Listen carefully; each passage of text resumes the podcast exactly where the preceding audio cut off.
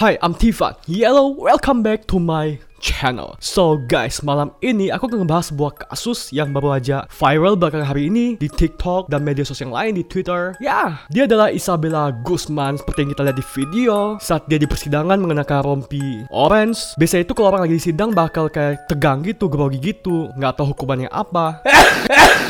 ya namun kalau kita lihat dari video tersebut, wanita ini itu kayak biasa aja, bahkan terkesan dia kayak itu kayak senyum gitu dan pokoknya aneh banget deh, psycho banget. Dan dia juga terkenal di media sosial belakangan hari ini itu karena parasnya yang cantik nama adalah seorang pembunuh yang sangat kejam dan korbannya itu sendiri adalah ibunya sendiri. Dan sebelum kita mulai please klik subscribe dan tanda lonceng sebagai support kamu ke aku agar aku lebih semangat lagi untuk bikin video kualitas dan menghibur. Kalau sudah kita mulai. Satu, dua, tiga. Jadi wanita yang akan kita bahas ini itu bernama Isabella Guzman yang merupakan seorang remaja dari Colorado, Amerika Serikat. Dia itu ditangkap setelah membunuh ibu kandungnya sendiri dengan sangat kejam pada tahun 2013 silam. Namun yang nggak tahu kenapa, baru tahun ini viral banget. Ya guys, dia itu menikam ibunya sendiri yang bernama Yun Mi Hoi sebanyak 151 kali. Wow, udah kayak nikam babi. Dan setelah itu dia juga sempat memukul ibunya dengan tongkat baseball. Jadi belum cukup cuma nikam doang, tapi sampai mukulin ibunya dengan tongkat baseball. Itu gila banget dan psycho banget. Jadi nih guys, kronologi sebenarnya, dia itu sebenarnya adalah udah lama banget sebel sama ibunya yang menikah lagi dengan pria lain. Jadi kedua orang tuanya ini itu sempat bercerai dan si ibunya ini si Yun Mi Hong itu sempat menikah lagi dengan seorang pria lain. Dan karena hal itulah yang memicu dia membuat psikologinya si Isabella dari dulu mulai terganggu karena keluarga yang hancur ini broken home dan selain itu kalau menurut aku sih itu cuma salah satu faktor dan emang dia dari lahir mungkin sudah ada faktor yang nggak tahu ya. Aku juga nggak ngerti secara hal-hal psikologi gitu. Yang mungkin dari lahir dia tuh sudah kayak ada psikopat psikopatnya oke singkat cerita. Jadi sebelum pembunuhan ini terjadi itu sebenarnya si Isabella sempat mengirim kayak email gitu kepada ibunya dengan menulis ancaman pembunuhan terhadap ibunya. Padahal mereka tinggal serumah. Dan karena ibunya takut Pak Arno akhirnya ibunya pun melaporkanlah ke polisi. Akan email yang dikirim oleh anaknya sendiri Isabella kepada si Yun Min Hong. Dan ya polisi pun datang dan polisi lihat hmm, ini mungkin sepertinya cuma kayak pertengkaran antara ibu dan anak normal seperti biasanya seperti keluarga pada umumnya dan polisi pun nggak begitu menggubris hal ini secara lebih serius. Tapi polisi sempat kasih tahu ke Isabella kalau kamu jangan deh kurang ajar sama ibu kamu. Karena kalau kamu udah parah banget kamu kan kayak masih belum punya rumah sendiri. Kalau kamu kurang ajar terus mungkin kamu bisa dikeluarkan dari rumah ini dan kamu mau tinggal di mana. Ya saking kurang ajarnya dia itu sempat meludahi ibunya sendiri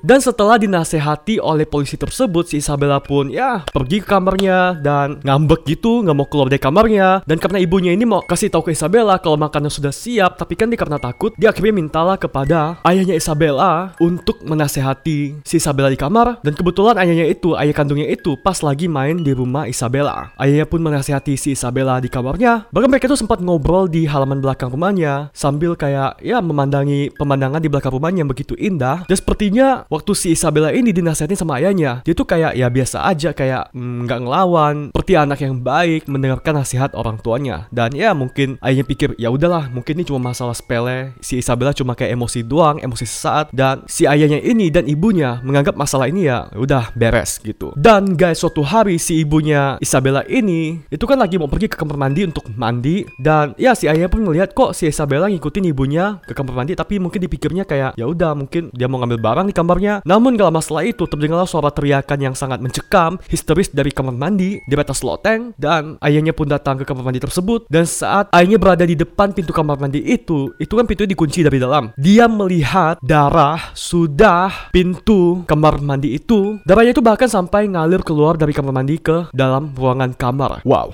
Dan si ayah pun ketok dong pintunya ketok dengan sangat ya panik. Dan dia juga kaget kan ini darah apaan sih? Dia udah kayak punya firasat buruk. Apa yang terjadi di kamar mandi tersebut dan gak lama setelah itu si Isabel pun keluar di kamar mandi. Dia membawa pisau tubuhnya sudah bersimbah darah dan dia kayak biasa aja kayak nggak ngapa-ngapain gitu. Senyum keluar dari kamar itu. Dan bener dong pas ayahnya cek ke dalam kamar mandi itu dan ternyata Yun Min Hoi atau ibunya Isabella sudah bersimbah darah bahkan darah itu sudah kayak mengalir ke seluruh kamar mandi. Dan ya saat si bapak tiri ini ngecek kayak dicek ada nafasnya lagi gak sih? Ini si Yun Min Hoi. Ternyata nggak ada guys. Dan ternyata si Yun Min Hoi itu sudah mati. Dan ternyata si Yun Min Hoi ini atau ibu Isabella itu ditikam 151 kali oleh Isabella di leher dan di muka. Dan belum puas sampai di situ, dia bahkan juga memukul ibunya sendiri dengan tongkat baseball sampai muka itu sudah remuk banget. Dan setelah melakukan itu, Isabella pun kabur dong dari rumah. Dia pergi ke minimarket yang ada di dekat rumah tersebut. Dan saat sampai di minimarket tersebut, kan kasirnya pada bingung dong, kaget dan heran kok baju si Isabella itu bersimbah darah. Dan ditanyain lah sama petugas kasirnya, kenapa bajunya si Isabella itu bisa bersimbah darah. Seperti itu, apa yang terjadi? Jadi Isabella pun memang orang yang pintar ngeles, dan dikasih tau lah ke kasir tersebut kalau dia baru saja jadi korban kriminal, korban pemerkosaan, dan dia baru saja berhasil membunuh si pemerkosa dengan pisau dan ya kasir tersebut percaya-percaya aja mengobrol hal tersebut dengan si kasir. Isabella pun masuklah ke toilet yang ada di market itu dan dia pun mencat warna rambutnya untuk mengelabuhi polisi. Dan setelah itu dia pun keluar dari minimarket tersebut dan dia jalan lah nggak tahu ke mana. Tiba-tiba dia kan buronan tuh. Ada polisi yang ngenalin Isabella dan polisi tersebut itu kayak mengenakan pakaian biasa aja, bukan pakaian polisi. Kayak intel-intel gitu kali ya. Polisi yang nyamar jadi kayak orang biasa. Dan polisi ini pun nggak bego, dia ngenalin kalau ya ini kayaknya Isabella deh yang baru saja dikatakan jadi buronan yang membunuh ibu sendiri di rumahnya. Dan ya Isabella pun saat dimintain KTP sama si polisinya, dia bilang ini bukan aku cuma mukanya aja mirip sama aku. Dia mau berusaha ngelak lagi ya namanya polisi nggak bego dong. Dan akhirnya si Isabella pun ditangkap saat itu juga. Dan ya singkat cerita dia pun masuk penjara dan diadili di pengadilan. Dan saat di pengadilan itu yang bikin viral banget adalah saat ekspresi itu yang kita lihat di TikTok dan di media sosial lain di Twitter. Dia tuh kayak mukanya biasa aja kayak nggak ngerasa habis ngebunuh orang. Dia bahkan kayak cengar, cengir, senyum gitu. Itu kan serem banget, aneh banget. Dan yang bikin dia juga sangat viral adalah dia seorang pembunuh yang sangat kejam dan muka itu cute banget ya gak sih? Dan cantik banget. Dia bener-bener kayak bukan muka seorang pembunuh. Biasanya kita kalau anggap muka seorang pembunuh itu kan bakal mukanya kayak bejat-bejat gitu, sadis. Kalau ini enggak. Ya mungkin kalau aku misalnya ketemu dia sekarang, kalau aku nggak tahu dia seorang pembunuh, mungkin aku anggap kayak dia hmm, orang yang kayak enak aja diajak berteman, diajak berkawan. Ya mungkin aku bisa jadi teman baiknya kalau aku nggak tahu dia seorang pembunuh. Dan ternyata di balik itu semua, no, dia adalah seorang psikopat. Jadi, dokter psikologi yang menangani kasus ini, kasus Isabella ini itu sempat kayak tes psikologi kepada si Isabella. Jadi mengatakan hasilnya adalah Isabella ini itu mengidap schizophrenia. Ya aku nggak mau jelasin lebih detail lagi apa itu schizophrenia. Aku udah pernah jelasin di video-video sebelumnya. Ya mungkin aku kasih kayak sekilas gitu ya. Jadi kalau orang terkena schizophrenia dia itu bakal halusinasi gitu dan dia bakal nggak bisa bedain mana sih yang realitas sesungguhnya dan yang mana sih dunia fantasinya dia atau halusinasinya dia aja. Dan biasanya kalau kamu ketemu orang yang terkena schizophrenia dia tuh bakal kayak suka ngomong sendiri. Dia kayak ngomong sama seseorang walaupun kita di sampingnya ngelihat dia kayak ngomong sendiri. Dan karena hal itulah dia tuh nggak bisa ditangkap dan dimasukkan ke dalam penjara. Karena di Amerika sendiri itu punya hukum kalau orang gila orang yang punya masalah kejiwaan itu nggak bisa dimasukkan ke dalam penjara. Namun si Isabella ini akan dimasukkan ke dalam rumah sakit jiwa sampai waktu yang tidak ditentukan. Ya mungkin sampai dia sembuh tapi nggak tahu dia kapan sembuhnya. Bisa juga sampai selamanya. Ya kita nggak tahu. Agar tidak membahayakan orang-orang di sekitarnya atau peristiwa seperti dia membunuh ibunya terulang kembali dengan orang lain jadi misalnya kalau kamu masuk ke Isabella ini ke dalam penjara dia juga nggak bakal tahu kalau dia itu lagi habis berbuat kesalahan. Jadi percuma aja masuk ke dalam penjara. Ya hasil akhirnya dia dimasukkan ke dalam rumah sakit jiwa. So guys video hari ini singkat aja. Aku nggak mau tahu panjang karena ya memang video singkat banget. Intinya seperti itu kita to the point aja. Oke. Okay. Dan sekian video hari ini. So video apa lagi akan kita bahas selanjutnya? Please kasih tahu rekomendasi kamu di kolom komentar yang di bawah. Ya mungkin kita akan bahas di video selanjutnya. Oke. Okay. Dan jangan lupa subscribe dan klik tanda lonceng untuk mendapatkan notifikasi video terbaru. Dan jangan lupa like dan share ke teman-teman kamu agar mereka juga tahu tentang informasi ini dan sampai ketemu di video selanjutnya. Bye.